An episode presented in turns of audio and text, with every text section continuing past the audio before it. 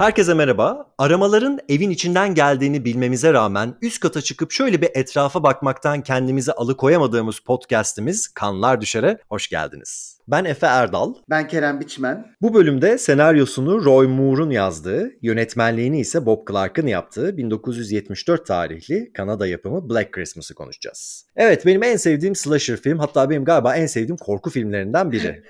ne zaman izledin Kerem ilk olarak? İlk 2000'lerin başında izlemiştim filmi. Sonra izledim tabii birkaç sefer daha yani hatırladığım kadarıyla. Bir de şimdi izledim. Ben yine bunu üniversitedeyken falan izlemiştim galiba. Sene 2008-2009 böyle sonlarına doğru. Ve bayılmıştım. Ya ben o zamana kadar şey zannediyordum. Hani mevcut bütün yapılmış ve bilinmesi, izlenmesi gereken slasher'ları izledim zannediyordum. Birdenbire bu çıktı karşıma. Galiba hatta Halloween belgeselinde falan görmüş olabilirim. İşte Halloween'in etkilendiği film olarak. Dedim neymiş bu buna bir bakayım. Ve bu kadar iyi çıkacağını gerçekten beklemiyordum. İlk izlediğim andan itibaren dedim ki benim favori slasher'ım bu film galiba. Ya ben de çok seviyorum filmi bu arada ve aslında filme bütün o işte korku filmleri arasında böyle bir haksızlık yapıldığını da düşünüyorum bir yandan. Son izlediğimde bundan daha da emin oldum. Çünkü bence gerçekten çok iyi bir film. Yani filme dair sevdiğim birçok şey var işte ilerlerde konuşuruz. Ama böyle neden bu kadar hani neden işte mesela Halloween kadar çok bilinmediğini, neden o kadar çok sevilmediğini de konuşuruz. Benim aklımda çünkü belirli sebepler var. Ama benim kesinlikle mesela çok sevdiğim bir film yani.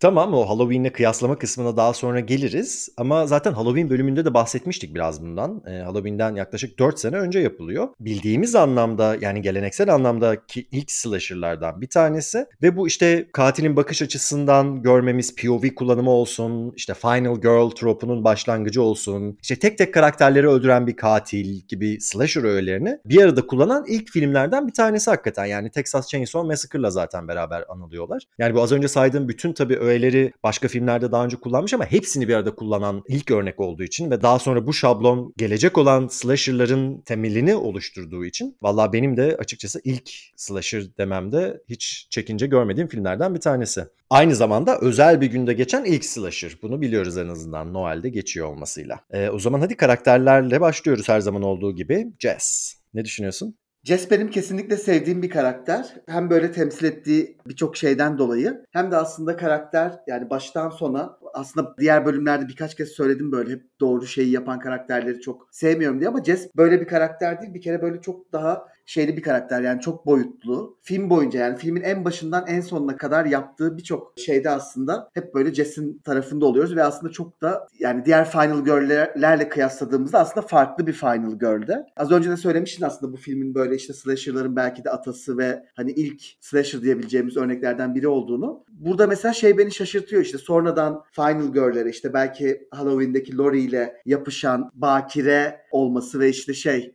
diğer kadınlara göre sanki daha tırnak içinde söylüyorum saf olması falan gibi. Ama burada aslında tam tersini görüyoruz. Burada bakire değil aslında hamile ve kürtaj yaptırmak isteyen bir final girl görüyoruz. Bu bakımdan da aslında yani slasher'lar böyle iyi bir başlangıç yapmışken sonradan bütün o troplar, o diğer işte şeylere nasıl evrildi hiç bilmiyorum. Ama Jess dediğim gibi çok böyle sevdiğim bir karakter. Bu arada şöyle bir şey var. Filmde sevmediğim bir kadın karakter yok. Yani hiç yok. Hani dolayısıyla filmin aslında bütün kadın karakterleri böyle çok boyutlu ve gerçekten çok iyi işlenmiş. Ama bunun dışında şey filmde mesela sevdiğim hiç erkek karakter de yok.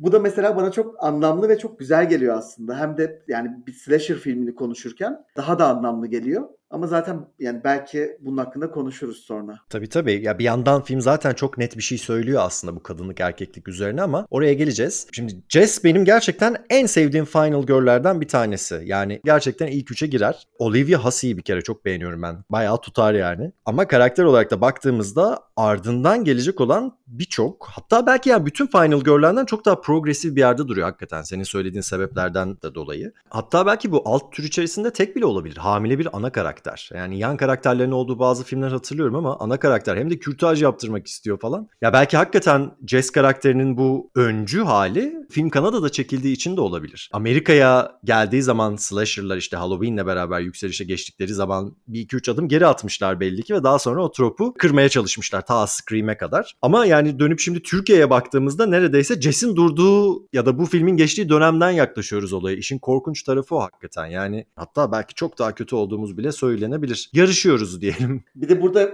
yani dediğin gibi aslında film özellikle filmin çekildiği yıla baktığımızda filmin içindeki tüm bu tartışma çok daha anlamlı hale geliyor. Çünkü şey bu film çekilmeden birkaç sene önce Kanada'da da kürtaj yasal olmuş ve aslında çekildiği dönemde hala çok böyle şey e, yeni bir tartışma. Dolayısıyla gerçekten filmin hakkında konuştuğu tek sosyal mesele bu değil aslında. Birçok şey var böyle içinde barındırdı. Ama bu bence en anlamlılarından birisi filmde. Çok doğru hakikaten söylediğin. Filmin tam da ikinci dalga feminizmin içinden çıkmış olması. Yani o akım devam ederken çıkıyor olması bütün bu tartışma konularını masaya yatırmasında şey yapmış olabilir.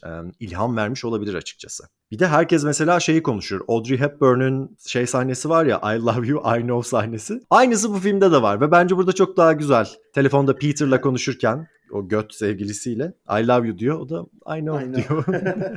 o yüzden Jess'i seviyoruz hakikaten burada Peter ne kadar iğrenç bir karakterse Jess onun karşısında çok olgun kalıyor ve çok güzel tartışıyor onunla. Hani o çocuğu aldırmayacaksın evleneceğiz falan diyor. Romantik bir teklif yapmayı bırak rıza bile sormadan yapıyor bunu. Jess çok güzel baş ediyor. Çok güzel reddediyor bunu. Yani sen hayattaki planların değiştiği için benimkilerin de değişmesini beklemezsin gibi. Bu üslubu da benim Jess'in sevdiğim taraflarından bir tanesi açıkçası. Bu arada filmde böyle gerçekten hani bir meselesi olan ya da hani meselesi olmak zorunda da değil. Böyle çok derinlikle tasvir edilmiş tek kadın karakter de değil. Filmdeki kadınların hepsi böyle. Birbirlerinden çok farklılar bu arada kadınlar ama şey yani orada böyle gerçek bir kadın dayanışması görülüyor gibime geliyor film boyunca. Ve bu da yine böyle çok hoşuma giden şeylerden bir tanesi. Kesinlikle öyle. Yani hani Jess evet Final Girl ve şeyi yapıyor yani arkadaşlarını geride bırakmıyor. Evden çık denmesine rağmen ki o sahne o kadar güzel ki yani şey yapılıyor. Zoom in yapılıyor merdivenin tepesinden böyle dünyası daralıyor. Kadrajda sıkışıyor bir an falan. Gerçekten izlerken wow demişim. Yani çok küçük bir trikle zoom in, trick ki benim kamera oyunu olarak en sevdiğim şeylerden bir tanesidir. Çok güzel işliyor. Tabii bir yandan da mesela arkadaşların cesetlerini bulma sahnelerini hep konuşuyoruz ya. Final Girl'ün çilesi diyebiliriz. İlklerinden biri olabilir bu sahnesi. Ve hakikaten yani içlerinden en baş belası olarak tasvir edilmiş olan Barb bile tek bir notada giden karakter değil. Ben de onun derinlikte olduğunu düşünüyorum. Nasıl buluyorsun sen Barb'ı? Barb'ı da seviyorum kesinlikle. Şey aslında söylediğin gibi böyle bazı birkaç günahı var aslında Barb'ın ama ona rağmen mesela o kusurlarını bile böyle insan görmüyor. Çünkü işte günün sonunda o da böyle tamamen o erkek egemen sistemin içinde aslında böyle karşı koyan ve bazen işte erkeklere karşı onların böyle kendi silahlarını kullanan çok esprili, böyle zeki bir kadın görüyorum ve güçlü bir kadın aynı zamanda. O yüzden de Barb öldüğü sahnede böyle bayağı üzüldüğümü hatırlıyorum. Bu tip karakterlerin genellikle kurtulması çok mümkün olmuyor yani. istisnasız ölüyorlar hakikaten. Az biraz göze çarpan, toplum düzenini bozan, ağzı bozuk olan karakterlere çok yaşamıyor ne yazık ki. Ben ama hakikaten bu karakterin hiçbir kuruma saygısı olmamasını çok seviyorum. Yani polis olsun, işte baba olsun, olsun, bu olsun falan. Ama dediğim gibi sadece böyle mean girl değil yani. Hani onun da zayıf yanlarını görüyoruz bence. Hatta bence Claire Üzülüyor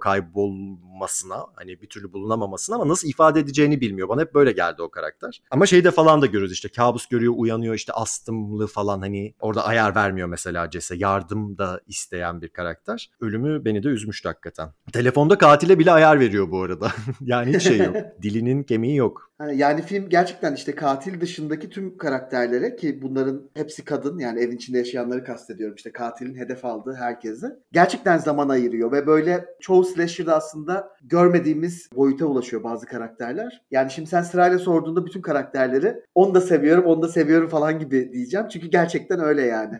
hani filmi izlerken böyle hepsinde tek tek yani ya işte böyle özdeşleştiğim bir şey ya da işte onun hayatta kalmasını isteme hissi ya da işte onun için üzülme falan gibi böyle gerçekten çok şey kendimi çok yakın hissettiğim karakterler bunlar. Çok doğal verilmiş bence bütün bu karakterler. Yani replikleri falan çok gerçek insan gibi yazılmış. Hani stereotip değil de işte bir tanesi tatlı kız, bir tanesi masum olan, diğerinin işte ağzı bozuk, asi olan falan gibi değil. Hani bu özellikleri de barındırıyorlar ama işte başka şeyler de barındırıyorlar bence. Ben busunu seviyorum açıkçası filmin. Ee, yani Halloween'den mesela kat kat daha karakter gelişimini ve karakter tasvirini çok başarılı yaptığını düşünüyorum. Kesinlikle katılıyorum bu dediğine. Ben Barb'ın ölüm sahnesini de çok beğeniyorum ama. Şimdi biz o zamana kadar olan ölüm sahnelerinin hiçbirinin öldürme anını görmüyoruz. Hep Claire'de de bu Mrs. Mac'te de hani saldırıyı görüyoruz. Saldırıdan sonra kesme yapıyor. Daha sonra cesetleri görüyoruz mesela. Burada gözümüzün önünde işleniyor cinayet. Hatta gözümüzün önünde işlenen tek cinayet. Her ne kadar işte o sivri unicorn boynuzunun girdiğini falan göstermese de göstermekten beter ediyor. İşte detaylarla cisimler üzerinden falan anlatıyor ses kullanımı. Ve tabii ki benim çok sevdiğim şeylerden bir tanesi olan paralel kurgu. Yani o aşağıdaki Noel şarkıları söyleyen çocukların da varlığı o sahnede hani iç içe verilmesi çok büyük bir çarpıklık yaratıyor. Hani bir yandan kan görüyoruz, bir yandan cam biblolar, arkada böyle bir kuru kafa posteri gibi bir şey var. Onu çok kısa bir görüyoruz ve bir yandan da böyle şey ulvi, ruhani bir müzik çalıyor aşağıda. Sanki bir yandan da kutsama sahnesi gibi yani ölümden ziyade. İffetli azizlerin onayını alıyor sanki Barb'ı öldürürken. Çünkü Barb iffetsiz olduğunu çeşitli yerlerde söylüyor. Dine dair de böyle bir eleştiri getiriyormuş gibi geliyor bana. Yani çok tuhaf ama çok güzel bir sahne bence. Yani kesinlikle öyle. Hatta daha da açık bir şekilde bir şey söylemiş oluyor. O da yani tam olarak dinin aslında bir noktada belki kadınları susturduğu ya da işte onların çığlıklarının duyulmasına engel olan bir şey gibi sunuyor. Çünkü paralel kurguda yapınca bunu tam da orada şeyi anlıyoruz. Yani Jess'in Barb'ın sesini duymamasının tek sebebi aslında aşağıda dinlediği o Christmas şarkısı ya da ilahisi her neyse. Orada din tam olarak işte o çığlığın duyulmasını engelleyen şey olarak veriliyor. Bu da aslında filmin genel geçer yani diğer mes- vermeye çalıştığı ya da işte bizim anladığımız mesajların büyük çoğunluğuyla çok örtüşüyor. Yani film çünkü aslında bir noktada böyle işte erkek egemen sistemle derdi olan, geleneksel değerlerle derdi olan ve dolayısıyla aslında dinle derdi olan bir noktada diyebiliriz rahatlıkla bence. Dini arkasına alıyormuş gibi de diyebiliriz katil. Kesinlikle. Peki Fil'i nasıl buluyorsun? Fil'i ya Fil'i çok seviyorum. Gerçekten neden sevdiğimi bilmediğim bir karakter. Phil aslında böyle şey hep iyi işte insanlara destek olan onların yanında daha böyle nerd bir tip aslında. Ama şey ya senin az önce dediğine katılıyorum. Yani bir yandan bütün karakterler böyle inanılmaz bir işte stereotipi yansıtıyor gibi yaparken bir yandan da aslında değiller ve çok boyutlu karakterler. Phil de yani filmde böyle işte ölümüne en çok üzüldüğüm kişilerden bir tanesi. Ve şey gerçekten hani en başından itibaren böyle sevdiğim bir karakter. Bir de diğerlerine oranla hakikaten az görüyoruz bu karakteri ve sempati besliyoruz bir şekilde. Yani oyunculuğun da gücü var burada tabii. Keza senaryonun yani repliklerin de öyle. Tatlı bir şekilde tasvir edilmiş bir karakter bu. Şeyini de görüyoruz hani iyilik yapmayı seviyor. Hani iyi tarafta olduğunu biliyoruz mesela Barb'la kıyaslanıldığı zaman ama gülüyor da falan bazen Barb'ın yaptığı şeyleri. Hani hayatla falan da dalga geçmeyi de bilen insanlar. Bunların hepsi öyle aslında. Ee, o yüzden hepsinin ölümüne ben üzülüyorum ya. Bir de şey hepsi sanki engellenebilirmiş gibi pisi pisine. Yani o odaya giriyor tak diye kapı kapanıyor falan. Hep şey diyorum ya hani beraber gitselerdi ya da hadi sen de hiç bakmasaydın o odaya ne olurdu falan ama bir yandan da film olmayacaktı işte ne yapalım. Birileri ölecek ki Final Girl Final Girl olsun. Filmde aslında en az hayatta haliyle, yaşayan haliyle gördüğümüz bir karakter var ama bütün filme yayılmış durumda varlığı. Claire'den bahsediyorum. Hatta başka bir slasher'da Final Girl olabilecek bir karakterken ilk ölüyor. Hani hep deriz ya normalde bakire olan, masum olan sona kalır. Burada başta gidiyor. Nasıl buluyorsun Claire'i? Dediğin gibi aslında Claire'i çok az görüyoruz canlı olarak. Ama işte ondan sonra film boyunca ta ki en son sahneye kadar onun işte o sallanan sandalyede poşete sarılmış cesedini görüyoruz. Dolayısıyla aslında Claire hep var film boyunca. Yani bir yandan da işte Claire'i aslında arama şeyinde oldukları için filmdeki karakterler böyle filmin hikayesi bakımından da çok önemli bir karakter kaybıyla bile. Yani Claire aslında çok bir şey hissedecek kadar ona görmedik onu. Yani dolayısıyla onu mesela çok seviyorum falan gibi şeyler söyleyemeyeceğim ama mesela kötü bir şey de söyleyemeyeceğim o karakter hakkında. Yani ben yine de hem oyunculuktan gelen bir sempatim olduğunu düşünüyorum ya da kadını gerçekten beğendiğim için yine kayırıyor olabilirim. Yine şey buluyorum. Jess'ten sonra hatta galiba en ilgimi çeken karakter o. Ama hani başta ölseydi bir daha görmeseydik belki öyle olmazdı. Yani film boyunca belki varlığı hakikaten bize hatırlatıldığı için böyle olabilir. Ve ben mesela boğularak öldürülmesini de anlamlı buluyorum filmin geneli içinde. Çünkü diğer bütün karakterleri biz işte bıçaklandığını hani ya görüyoruz ya da daha sonrasında işte kanın falan görüyoruz. Yani beden deli delinmiş, bütünlüğü bozulmuş halde. Burada bir muhafaza etme durumu var. İşte daha sonra eline oyuncak bir bebek vermiş. Onu bir hani küçük bir kız hem de bir anne gibi falan konumlandırıyor gibi düşündüm ben katili. Çünkü film biliyorsun katil konusunda bize çok ipucu vermiyor. Katilin ya telefonda söylediği şeylerden anlıyoruz ya da bu tip görsel donelerden aslında bir takım çıkarımlar yapabiliyoruz. Ben hakikaten biraz üzerine düşünmüştüm bu meselenin. Yani diğer bütün karakterleri bıçaklarken niye bunu boğarak öldürüyor ve niye film boyunca orada çeşitli şekillerde etkileşime geçiyor karakterle diye. Şeye çok benziyor bu muhafaza etme.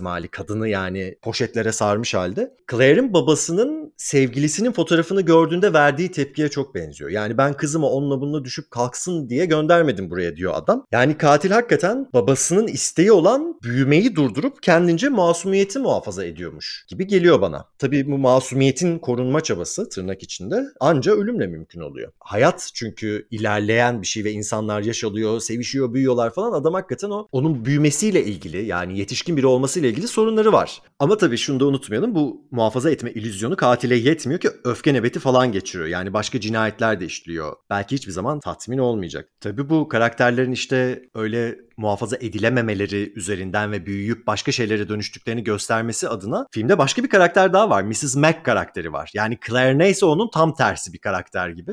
Onu nasıl buluyorsun? Yani Mrs. Mac kesinlikle bence eğlenceli bir karakter. Biraz başlarda sanki böyle o komik dozu hani bir slasher izlerken bir tık böyle fazla gibi geldiği yerler oluyor. Ama şey yani bence çok eğlenceli bir karakter. Ya ben çok emin değilim ne hissediyorum bu karaktere karşı. Tam da senin dediğin sebepten dolayı. Yani bu comic relief Yer yer çok abartı geliyor bana. Ama kadının mesela işte o dışarıya gösterdiği yüzünü göstermediği kendi kendine konuştuğu zamanlarda da o kadar abartılı değil aslında. Böyle söyleniyor ediyor falan. Ha diyorsun bu dışarıya gösterdiği bir hali. Ama şey yani filmin bütün içerisinde fazla karikatürize bulduğumu söylemem gerekiyor açıkçası. Ama şey anlamında önemli şimdi. ikinci kurban o. Claire'den sonra o ölüyor. Hani katilin en gencinden en yaşlısına iki karakteri öldürerek aslında kadınlara bir savaş açtığını gösteriyor gibi sanki. O yüzden varlığını bütün bu bağlamda anlamlı buluyorum. Bu arada şey okudum yani doğru mu değil mi bilmiyorum. Betty Davis'e teklif etmişler bu rolü ve keşke kabul etseymiş. O kadar güzel oynardı ki keşke ölmeseydi de filmin sonuna kadar kalsaydı falan bile dedirtebilirdi yani. Gerçekten Betty Davis'ten izlemek isterdim. Bir de şey var tabii Mrs. Mac'te yani aslında işte evin annesi hani anne diyorlar ama şey arasında işte oradaki diğer genç kadınlarla ciddi bir kuşak farkı olmasına rağmen mesela onları yargıladığı ya da işte onları böyle şey onları anlamadığı bir sahne falan görmüyoruz. Genelde aslında tam da onlarla birlikte böyle o akışa kapılmış gidiyor gibi daha çok. Yani işte filmin 1974'te geçtiğini düşünürsek de bu bile bence başlı başına böyle ilerici bir şey gibi geliyor bana. Doğru hakikaten. Yani evin annesinin öyle çok da anaç olmamasını göstermesi ve işte orada burada içki içiyor olmasını görmemiz bence güzel bir şey tabii ki. Her yere içki saklamış zaten kadın. Yani evin her tarafında nasıl bir anne bu? Bence güzel. Tabii şurada da bir paralellik var hakikaten. Yani o nasıl evin çeşitli yerlerine içki saklıyorsa ve bunları kimse görmüyorsa katil de öyle saklanıyor evin içerisinde. Ne demek bu bilmiyorum ya da bir şey demek mi ondan da emin değilim ama tuhaf bir denk düşme durumu var burada. Film aslında yani hayatını bir şekilde yaşayan kadınlar ve onların önüne taş koyan erkekleri anlatıyor. Bir sorority'de geçiyor olmasını önemli buluyorum ben. İşte sorority üniversitelerdeki bu kadın evlerine verilen isim. Bunların karşılığı hatta fraternity deniyor erkeklerden oluşan kısmına ama fraternity aynı zamanda cemiyet memiyet falan da demek. Filmdeki erkekler hani böyle bir kulüp ya da işte bir dernek üzerinden birlik olmasalar bile tam bir fraternity gibi davranıyorlar. Ama bana zaten şöyle geliyor yani dünyanın içine edenler bu beyaz hetero erkek zihniyeti olduğu için kadınlar grubunun karşısına birebir düşman olarak değil ama işte tam da dediğim gibi taş koyan kişiler olmaları bağlamında önemli. Hatta yani bu erkek zihniyeti hem Peter'ın jürisinde görüyoruz. Yani onu yargılayan, izleyen işte performans anksiyetesi yaşamasını sağlayan jüri de erkeklerden oluşuyor. Filmin en sonunda Jess'in etrafına toplanmış erkekler de böyle bir erkekler meclisi. Hiçbir şey çözemediler. Katilin hala evde olduğundan haberleri yok ama bir şey çözülmüş gibi sürekli spekülasyon halindeler. Yani kadın orada zaten yatıyor. Yani zihni yerinde değil, bayılmış, kendini ifade edecek bir hali yok. İstedikleri dünya mevcut olmuş o zaman yani. Kadınlar evden gitmiş. Hepsi ölmüş. Bir tanesi kalmış. O zaten ağzı var, dili yok. Konuşamıyor yani baygın. Ve diğer herkes de sürekli bir fikir üretiyor. Bu son sahnesinde bile aslında erkeklere ve kadınlara dair bir şey söylüyormuş gibi geliyor film. Yani başta da söylemiştim filmde zaten iyi denebilecek tek bir erkek karakter yok. Hepsi böyle ayrı ayrı korkunç karakterler. Yani bazıları aptal oldukları için, işte bazıları hödük oldukları için, bazıları kadınları anlamadıkları için, yanlış karar verdikleri için, yani yapabilecekleri birçok şeyi yapmadıkları için aslında. Yani doğru olanı yapamayan erkek karakterlerden bahsediyoruz. Bunun dışında aslında filmdeki kadınların yani yine bir slasher'a göre aslında en başından itibaren böyle çok bilinçli ve çok yani doğru bir şekilde hareket ettiğini görüyoruz. Kaldı ki işte bu ilk telefon tacizlerinden sonra bu durum bildiriliyor polise bir şekilde. Bu görmezden geliniyor ve bu aslında günümüzde bile hala çok böyle rastladığımız bir şey hatta yani işte yani söz konusu şey kadına karşı şiddetse en sık rastlanılan şey ya otoritelerin ya da başka güç sahibi figürlerin kadınlara inanmamaları ya da onların istedikleri önlemleri almamaları. Filmde tam olarak bunu görüyoruz yani 1974'te geçiyor ama günümüze kadar böyle aslında hiçbir şeyin çok da değişmediğini görüyoruz bir yandan da filmi izlerken. Çünkü burada da tam kendilerine inanılmayan kadınlar var ve işte aslında kadınların verdikleri ipuçları bile takip edilse ya da onların istedikleri güvenlik önlemleri alınsa aslında hiç kimse ölmeyecek filmde. Ama neyse ki filmdeki kadınlar buna da boyun eğmiyorlar mesela. Hani yani her bir karakterin bir şeyi var. Yani Jess mesela kürtaj yaptırmak istiyor, evlenmek istemiyor. Barb mesela zaten hiçbir otorite figürüne saygısı yok. Phil bile hani çok az gördüğümüz Phil karakteri bile polislere şey diyor. Hani biz dışarıdayız merak etmeyin bir araç sizinle olacak diyor. Yeah right diyor yani. Aynen öyle hakikaten. E, ve nitekim o polisin zaten daha arabadan inemeden öldürülmüş olduğunu görüyoruz daha sonrasında. Claire bile hani içlerinde en masum diye kodlanan hani professional virgin diye dalga geçtiği Barb'ın özgür seksi savunan hatta otoriteyle dalga geçen yaşlı bir kadının işte orta parmak yaptığı posterleri falan olan odası var. Yani böyle posterlerle donatılmış durumda. Her bir karakterin bir mücadele mekanizması var diyebiliriz hakikaten. Ya aslında bunu mücadeleye dönüştüren insanlar ne yazık ki erkekler. Yani bu sadece bir varoluş hali ama bunu mücadele haline sokan, an be an ispatlanması gerek bir şey olarak karşılarına çıkaran filmdeki hödük erkekler. Peter mesela hakikaten dengesiz, tekinsiz ki yani katil sanılmasına neden oluyor. Sonunda ölümüne sebep oluyor bütün o tuhaf davranışları. Claire'in babası mesela güya bir otorite figürü ama daha adamı ilk gördüğümüz sahnede suratına kar topu yiyerek başlıyor. Hani bir karakteri tanıtmak olarak önemli bir giriş olduğunu düşünüyorum bunu bir şey diyor hakikaten. Polisler desen işlevsizler, sakarlar hep bildiğimiz gibi yani. Yani emin içinden geliyor kısmını çözseler de zamanında gelemiyorlar, katili yakalayamıyorlar. İşte bir takım esprilere eşekler gibi gülüyorlar böyle saçma sapan uzun uzun. Bunları güzel vermiş hakikaten film. Search Party'deki bu işte arama ekibindeki insanlar şey diyorlar evden çıkmayın diyorlar. Katil evde yani kitleyin falan diyorlar kapınızı pencerenizi. Hepsi katilin ekmeğini yağ sürüyor aslında. Bir tek belki Chris karakteri bir tık daha ayrı duruyor olabilir bunların içlerinden. Daha makul bir erkek olarak verilmiş bu Claire'in erkek arkadaşı. Bir de belki Lieutenant Fuller diyebiliriz bu işte Nancy'nin babası M sokağındaki. Onlar bir tık daha ayrı duruyorlar ama dediğim gibi en sondaki erkek meclisinde Jess'in etrafındaki onlar da var. Nihayetinde aynı şeyin lacivertiler onlar da. Tam da durum böyle olunca aslında katilin yüzünü görmememiz şey demek gibi yani tüm erkekliğe mal edilmiş bir cinayet olgusu var. Yani katillik var ortada. Hani başta Peter olmak üzere yani en son onun başında patlıyor ama aslında hani her bir karakter bu katilin yerine geçebilir. Çünkü her biri hakikaten yaptığı bir şeyle katilin işini kolaylaştırıyor. Evet şimdi slasher'lar katilleriyle meşhurdur. Final Girl'leriyle olduğu kadar hatta yeri geldiğinde Final Girl'lerinden ya da diğer karakterlerinden çok daha fazla sen nasıl buluyorsun buradaki katili? Yani Billy bence son derece korkunç bir katil. Yani gerçekten böyle izlerken işte beni çok korkutan özellikle o telefon konuşmaları ki sonra biliyorsun slasher türünün içinde eve gelen telefonlar hep böyle bir bayağı sık kullanılmıştır. Ve muhteşem de bir şeydir. Bayılırız. Kesinlikle öyle ve şey hatta bu arada Billy'nin sesini sanki Ghostface'in sesine bile böyle biraz benzettiğim yerler oldu filmi izlerken. Gerçekten mi? Evet. Ama tabii adam o kadar çok ses çıkarıyor ki tanıdığımız herhangi birine benzeyebilir yani o ses. Evet yani bütün o telefonların içinde işte gene böyle korku filmlerinin tamamını düşünürsek yani duyduğum en korkunç konuşmalardan bazıları geçiyor filmde. Aslında az önce söylediğin şeyden hareket edeceğim. Çünkü bence burada Billy yani tek başına onu hiç görmememizin aslında en büyük sebebi. Çünkü onun böyle aslında kadın düşmanlığının vücut bulmuş hali olması. Yani onun bir sembolü olması. Dolayısıyla Billy'nin kim olduğu, motivasyonu, bunu neden yaptığı falan gibi detaylara ya da böyle işte başka şeylere hiç gerek duyulmuyor filmde. Yani hem Billy'yi hiç görmememiz hem de Billy'nin aslında kim olduğunu bilmememiz, bunu neden yaptığını bilmememiz bence burada çok anlamlı oluyor. İşte tam da söylediğim sebepten. Doğru hakikaten. Ben de bu gizemli kalmasını seviyorum. O zaten gözünün gözüktüğü sahne acayip tedirginlik verici bir sahne ya. Bayağı korkunç. Ee, şimdi bu film biraz eski hakikaten. Ben böyle bundan yıllar önce hatta ilk izlediğim zaman bir arkadaş grubuma izlettiğim zaman çok etkilenmemişlerdi. Hatta bitirememişlerdi filmi. Yani daha o gözünü gözünü görmeden kapatmak zorunda kalmıştık. Modern korku izleyicisine çok hitap etmeyebilir ama benim hani sinematik anlamda yani sinema öğelerini kullanması bakımından o gerginliği nasıl yarattığını izlemek ve etkisini kendimde görmek anlamında çok başarılı ve çok etkileyici, korkunç buluyorum yani. Tabii bir yandan da bu kadar gizemli olması çok ikonik bir katil olmamasına da sebebiyet veriyor. İstersen bunu biraz konuşalım. Başta da söylemiştin hani Halloween'le kıyaslanması üzerinden. Aynen. Bu arada hani filmin kendi açısından en büyük dezavantajlarından birine dönüşmüş bu. Çünkü şey işte dediğin gibi yani korku filmleri deyince aslında korku filmleri genelde zaten katilin bakış açısından olan ve işte meşhur ve böyle ikonik katilleriyle ünlü seriler oluyor genelde. Ama bunda öyle bir şey yok. Yani bunda bir Freddy yok, Michael Myers yok, Leatherface yok, Jason yok. Burada görmediğimiz biri var. Tam da bu sebeple aslında filmin diğer filmlerle birlikte anılmadığını görüyoruz. Tabii bir yandan da hiç devam filmi çekilmemiş olması da bunu güçlendiriyor. Ki ben bunu güzel buluyorum hakikaten. Yani tek atımlık güzel bir film bu. Hani illa devam filmlerle suyunun çıkartılmasına gerek olmamış. Ama bir takım çirkin remake'leri yapıldı. Bir tanesi bundan yaklaşık 10 sene önce. Bir tanesi de daha geçen sene mi ne? İzledin mi onları? 2006'dakini izledim ama 2019'da çıkanı izlemedim. Of. İkisi de çok kötü. Ben ikisini de sevmiyorum. Sen nasıl buluyorsun? Ben bayağı kötü buldum. Yani bayağı kötüydü. Gerçekten hiç yapılmasa çok daha iyi olurdu gibime geliyor. Vallahi şöyle söyleyeyim. 2006'daki bu yenisinin yanında eğlenceli bir film olarak kalıyor.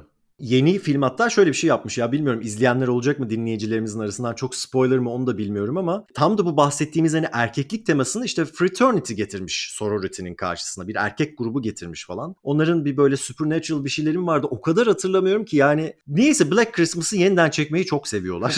Ve ben her defasında heyecanlanıyorum. Ee, onu da bilmiyorum hatta benim de dersimi almış olmam lazım yani. Hiç neredeyse hiçbir remake 2-3 istisna dışında orijinalinden güzel değil çünkü ama yani hikayeyi sevdiğim için ortamı atmosferi sevdiğim için acaba yenisinde ne yapacaklar falan onu bilmiyorum. Ve bunu merak ediyorum. Her defasında kötü çıkıyor. Bütün bu filmlerin yaptığı şey özellikle 2006'daki remake'in yaptığı şey bu katilin geçmişine dair gizemi aslında biraz bozması. Biz şimdi katilin zaten konuşmalarından az çok şeyi anlıyoruz. Ya bana hep şöyle geliyor. Tıpkı Michael Myers'ın da olduğu gibi küçükken kardeşini öldürmüş Agnes adındaki ve daha sonrasında işte akıl hastanesine yollanmış. Sonra oradan kaçmış. Kendi yine kız kardeşini arayan katil motifinden devam ediyor Michael'da olduğu gibi. Diğer kadınlara şey yapıyor, musallat oluyor. O yüzden hani Claire'i bu kadar çok muhafaza etmeye çalışması ondan hani kardeşi gibi görüyor ama diğerlerini deliyor, geçiyor mesela. Bilmiyorum hani buraları biraz film de açık açık bir şey söylemiyor. Benim az biraz çıkarımım bu yönde. Bir de şeyi falan da çok muğlak. Hani şimdi bir telefon sapığı olarak biliniyor bu dünyada. Mesela o karakter mi o telefon sapığı? Hani önceden mi varmış? Ne zamandır bu insanları taciz ediyor? Mesela işte filmin başında laf arasında şey dönüyor. Bir kadın işte tecavüze uğradı birkaç hafta deniyor. Zaten filmin içerisinde başka küçük bir kızın cesedinin bulunduğunu görüyoruz falan. O yüzden hani bunların hepsi mi bu Billy olan karakter ki karakterin adının Billy olduğunu bile bilmiyoruz. Yani kendi telefon konuşmalarından öyle hitap ediyor ama ona bile güvenmemeliyiz aslında. Hani nasıl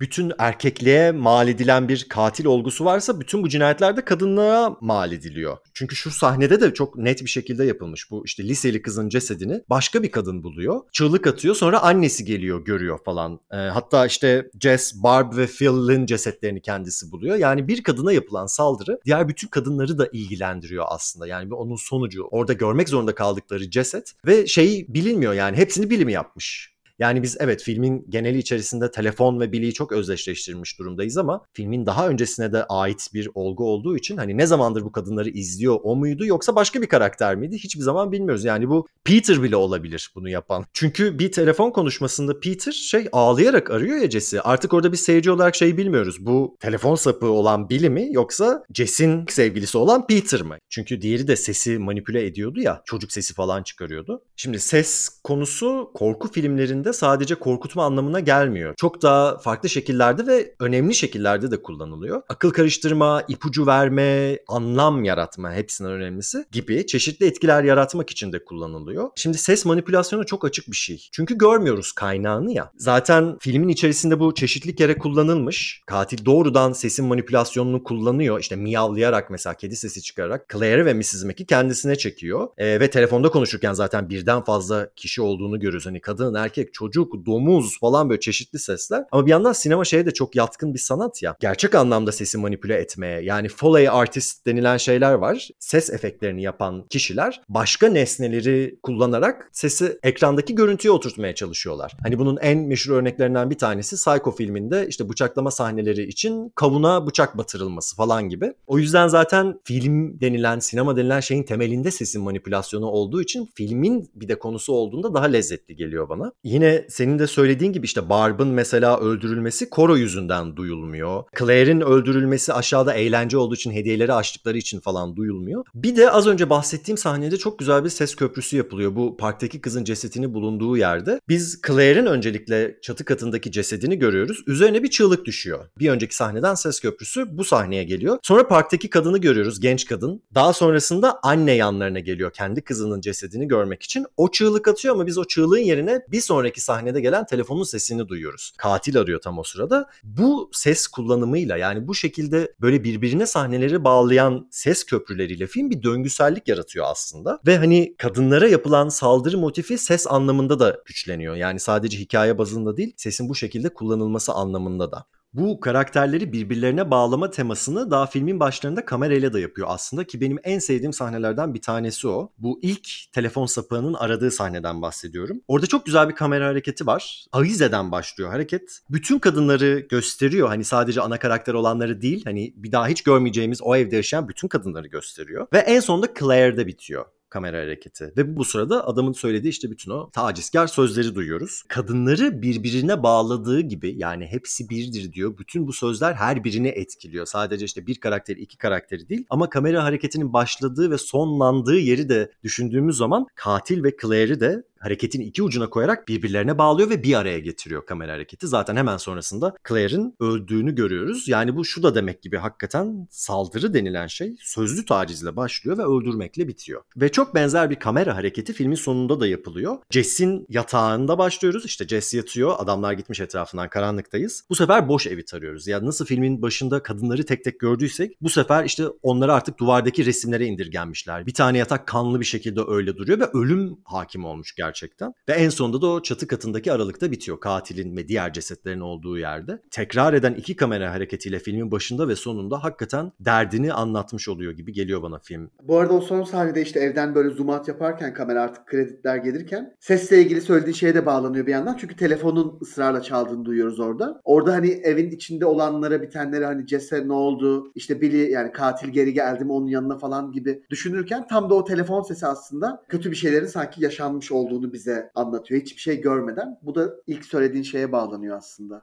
Evet evet zaten o polis karakteri şey diyordu hani sanki her cinayetten sonra bir telefon açmış falan gibi bir sonuca çıkıyorlardı. Bu en sonunda gelen telefonda hakikaten Jesse'i de öldürdüğünü söylüyor olabilir. Ama ben biraz muğlak kalmasını seviyorum. Sen ne düşünüyorsun sonu hakkında? Kesinlikle ben de çok seviyorum böyle kalmasını. Yani filmde işte katilin yakalanmamış olması ve sürekli olarak filmdeki bütün erkek karakterlerin ki bunların birçoğu polis e, ihmalkar davranması ve aslında yani bu kadar cinayetin işlendiği bir evde orada işte sakinleştirici verilmiş bir kadını bırakıp gitmeleri ve hiç kimsenin asla ve asla tavan arasına bakmaması da bence çok anlamlı kılıyor her şeyi. Yani filmin söylemeye çalıştığı şeyle aslında çok örtüşüyor. Yani çünkü işte bir yapanlar var bu şeyleri bir de bunlara göz yumanlar var ya da işte bütün bu sistemin içinde bunu değiştirmek için hiçbir şey yapmayanlar var. Ya o yüzden bence çok anlamlı. Hakikaten yani bu erkeklerin birbirlerini nasıl kolladıklarını da çok güzel gösteriyor film. Yani ve bunu hiçbir zaman böyle şey gözümüze sokarak yapmıyor. Filmin sonunda bu çirkin hisle baş başa kalıyoruz hakikaten.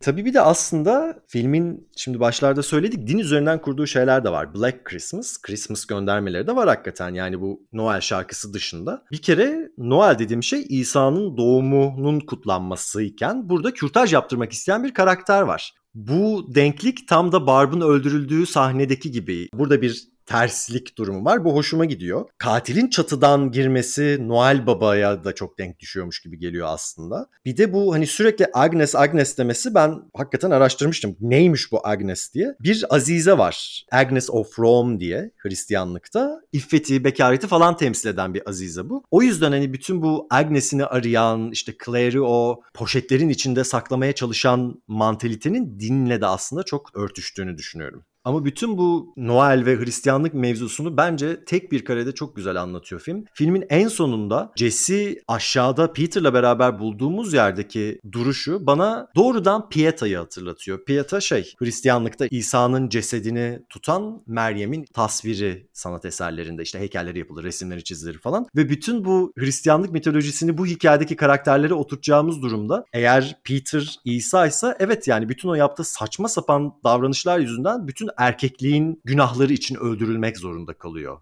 Jess'i Meryem Ana olarak kullanmasını da hani Jess birdenbire Azize'ye dönüştü falan anlamında değil. Filmin yine yaptığı küçük bir piçlik olarak görüyorum hakikaten. Yani kürtaj yaptırmak isteyen karakteri çocuğunun cesedini tutan bir kadınla denk tutmasını. Yani bu arada hep böyle şey işte detaylarla alakalı yorum yapıyoruz ama zaten bu arada filmin adı Black Christmas ve şey hani dediğin gibi böyle özel günde geçen işte dini bir bayramda geçen ilk slasher diyebileceğimiz film. Dolayısıyla bütün yani Noel'le ilişkilendirilen bütün o işte kutsallığı, sıcaklığı, aileyi, rahatlığı falan filan alıp aslında tepe taklak edip kana buluyor. Bu bakımdan da aslında zaten filmin bence ne demeye çalıştığı çok açık. Bu film Kanada yapımı ya Amerika'da gösterime girdiği zaman Silent Night, Evil Night adını koymuşlar. Bu daha önce de bahsetmiştik Black Exploitation filmleriyle karışmasın. Yani Black Christmas sanki siyah karakterlerin anlatıldığı bir Christmas filmi gibi anlaşılmasın diye böyle bir isim koymayı uygun bulmuşlar. Buna rağmen çok iş yapamamış ama bu filmin çok güzel bir afişi var. Amerikan versiyonunun. Filmin mevzusunu afişinde vermiş aslında. Bir tane Noel süsü görüyoruz ve içinde çıplak ama ölü gibi duran bir kadın yatıyor. Yani film ne anlatmak istiyorsa afişte çok güzel özetlemişler.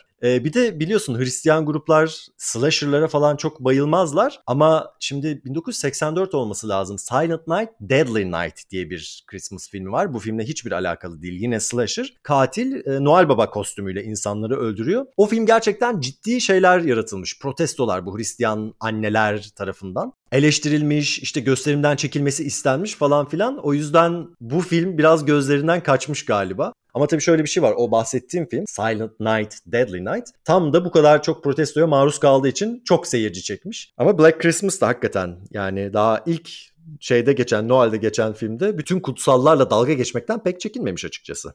Tabii bu film bir yandan da bir şehir efsanesine dayanıyor. Evdeki katil, telefonlar evin içerisinden geliyor hikayesinin burada işte filme aktarılmış hali. Sen nasıl buluyorsun o efsaneyi? Yani zaten işte bu defalarca kez kullanılan bir şey korku filmlerinde. Bakıcı ve evdeki katil ve aslında işte telefon evin içinden geliyormuş. Burada aslında bunun ilk örneklerinden biri diyebiliriz sanırım bu film için. Yani birkaç tane aslında benzeyen şeyler olsa da tam olarak bu anlamda böyle bir slasher kalıbı içinde alıp bunu kullanan ilk film. Ee, o yüzden de bence çok güzel. Evet işte Halloween bunu bir şekilde tekrar etti. When a Stranger Calls diye tamamen bunun anlatıldığı bir film var. Ama en işleyen versiyonunun ben bu olduğunu düşünüyorum. Ya yani bu arada When a Stranger Calls'un ilk 15 dakikası böyle ve o da çok gergin hakikaten. Bir de onun devam filmi var. When a Stranger Calls Back diye televizyon için yapılmış 90'larda. Bence ilk filmden çok daha iyi bir film ve onun da ilk 20 dakikası falan aşırı gergin. Ben bu şey konseptini gerçekten çok seviyorum. Ve nihayetinde daha sonrasında Scream'de de karşımıza çıkan bir şey bu. Hani bebek bakıcısı olmasa da katilin işte orada bir yerde olması konsepti anlamında. Benim sevdiğim bir şehir efsanesi. Aynen ve hani tehlikeyi aslında evin içinde bir yere konumlamasıyla da bence çok güzel ki bunda da öyle oluyor. Yani Halloween'i konuşurken şey demiştik işte Michael Myers hep oralarda bir yerde ve bunu bir seyirci olarak hep biliyoruz. Ve bu sürekli olarak böyle o gerilimi hep diri tutuyordu. Yani e, burada bizzat hep evin içinde katil yani hani etrafta bir yerde değil. O yüzden mesela filmin işte ilk sahnesinde daha evin tavan arasında çıkıp da ta ki son sahneye kadar evin dışında olan sahneler haricinde bizde gerilim hiç azalmıyor. Ve evin dışında olan sahneler de o kadar az ki bu filmin hani güçlü olduğu taraflarından bir tanesi bence hakikaten tek mekanda çok fazla vakit geçirip bu kadar çok etkileyici olabilmesi. Bende de şöyle bir his var yani mekana dair aslında daha çok. Yani bazı filmleri izlerken mesela o bir korku filmi bile olsa böyle orada olmak istersin ve o atmosferin aslında içinde bir şekilde olmak istersin. Ya bu garip bir şekilde benim için o filmlerden biri ve bunun sebebini mesela hiç bilmiyorum. Çünkü 70'lere dair nostaljik duygularım da yok. Ama şey yani izlerken mesela bir şekilde böyle hep orada olmak istedim film boyunca. Belki filmi çok sevdiğim için bu arada bu duygu geçiyor. Ama şey bu da böyle gene filme dair söyleyebileceğim şeylerden bir tanesi. Valla yaşadıkları ev parti falan zamanında bu eğlenceli duruyor. O yüzden bence bunun için gidilebilir. Bu arada ben de şey hissini severim. Dışarıda kar varken böyle bir evde kalma hissini severim hakikaten. Bende o hisleri uyandırıyor. Ama yani o evde de olmak ister miydim bilmiyorum. ben başka bir eve gitsem olmaz mı? İlla çatısında katil mi olması lazım? bir de şey de çok güzel. Bu film bize ilk defa şeyi gösteriyor. Hani telefon dinleme sürecini gösteriyor. Hep şey yaparız yani siz onu telefonda tutun biz onun nerede olduğunu bulacağız. Çabalarının nasıl bir şey olduğunu görüyoruz. Yine bir şey anlıyor muyuz? Hayır. yani ben ne yapıyorlar onların arasında koşuşturarak anlamadım hakikaten. Tek tek arayarak mı buluyorlar falan hakikaten bana hiçbir şey ifade etmese de bunu görmek hoşuma gitti açıkçası. Kesinlikle o sahne benim de hoşuma gitti.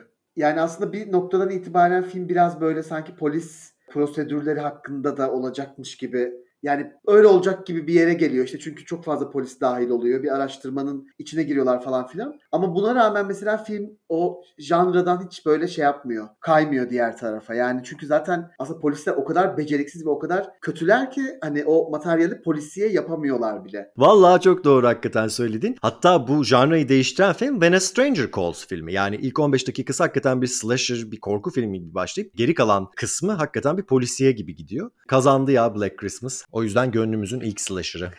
Şimdi bunun yönetmeni Bob Clark ölmeden önce buna bir devam filmi çekmeyi düşünüyormuş. 2000'lerin sonlarına doğru öldü galiba bir trafik kazasında. Yine Olivia Hussey Jess karakteri olarak geri dönecekmiş. O evin işte bu sefer annesi o olacakmış. Ya bir yandan o filmi izlemek isterdim hakikaten merak ediyorum. Bir de hani orijinal yönetmeninin orijinal oyuncusuyla birlikte çalışması çok güzel olacakmış gibi geliyor bana. Ama işte bir daha hiçbir zaman göremeyeceğimiz bir iş olacak nihayetinde. Ama belki olur da bir başka bir yönetmen çıkar da yine belki Olivia Hussey'i dahil eder. Jess'i görürüz, işte Billy'yi görürüz. Tam da Halloween'de yaptıkları gibi yaşlanmışlar ve ne bileyim belki başka kurbanlar vardır falan. Bu haliyle izlemek isterim. Yani evin annesi olması konseptini çok istemem. Çünkü ben Jess olsam bir daha ayağımı atmam bu eve.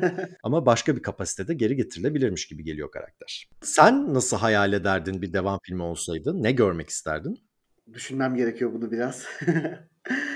yani işte Billy gene ilk filmde yakalanmadığına göre en azından öyle bitiyor film. Gelip başka bir grup insanı terörize etmeye devam ederdi gibime geliyor. 70 yaşına gelmiştir artık o Billy. Bir saniye günümüzde mi geçecek devam filmi? Ha ne bileyim ben sanki gü- yani şimdi çekilse diye düşünüyorum. Daha gerçekçi düşünüyorum açıkçası. Ee, Ben hemen 75'te yapılacak gibi düşündüm. Vallahi dönemediğimiz için o, o dünyaya biraz daha gerçekçi bir hayal kurdurmaya çalıştım. Sen bilirsin vallahi nasıl cevap vermek istiyorsun öyle ver. Yani ben devam filmi çekmezdim sanırım. Çünkü gerçekten bu şeyin bozulmasını istemezdim. Bu ilk filmdeki atmosferin falan. Hayır ben bir de şey çıkacak diye korkardım hakikaten. Jess onun kardeşi Agnes çıkacakmış falan diye de korkardım hakikaten.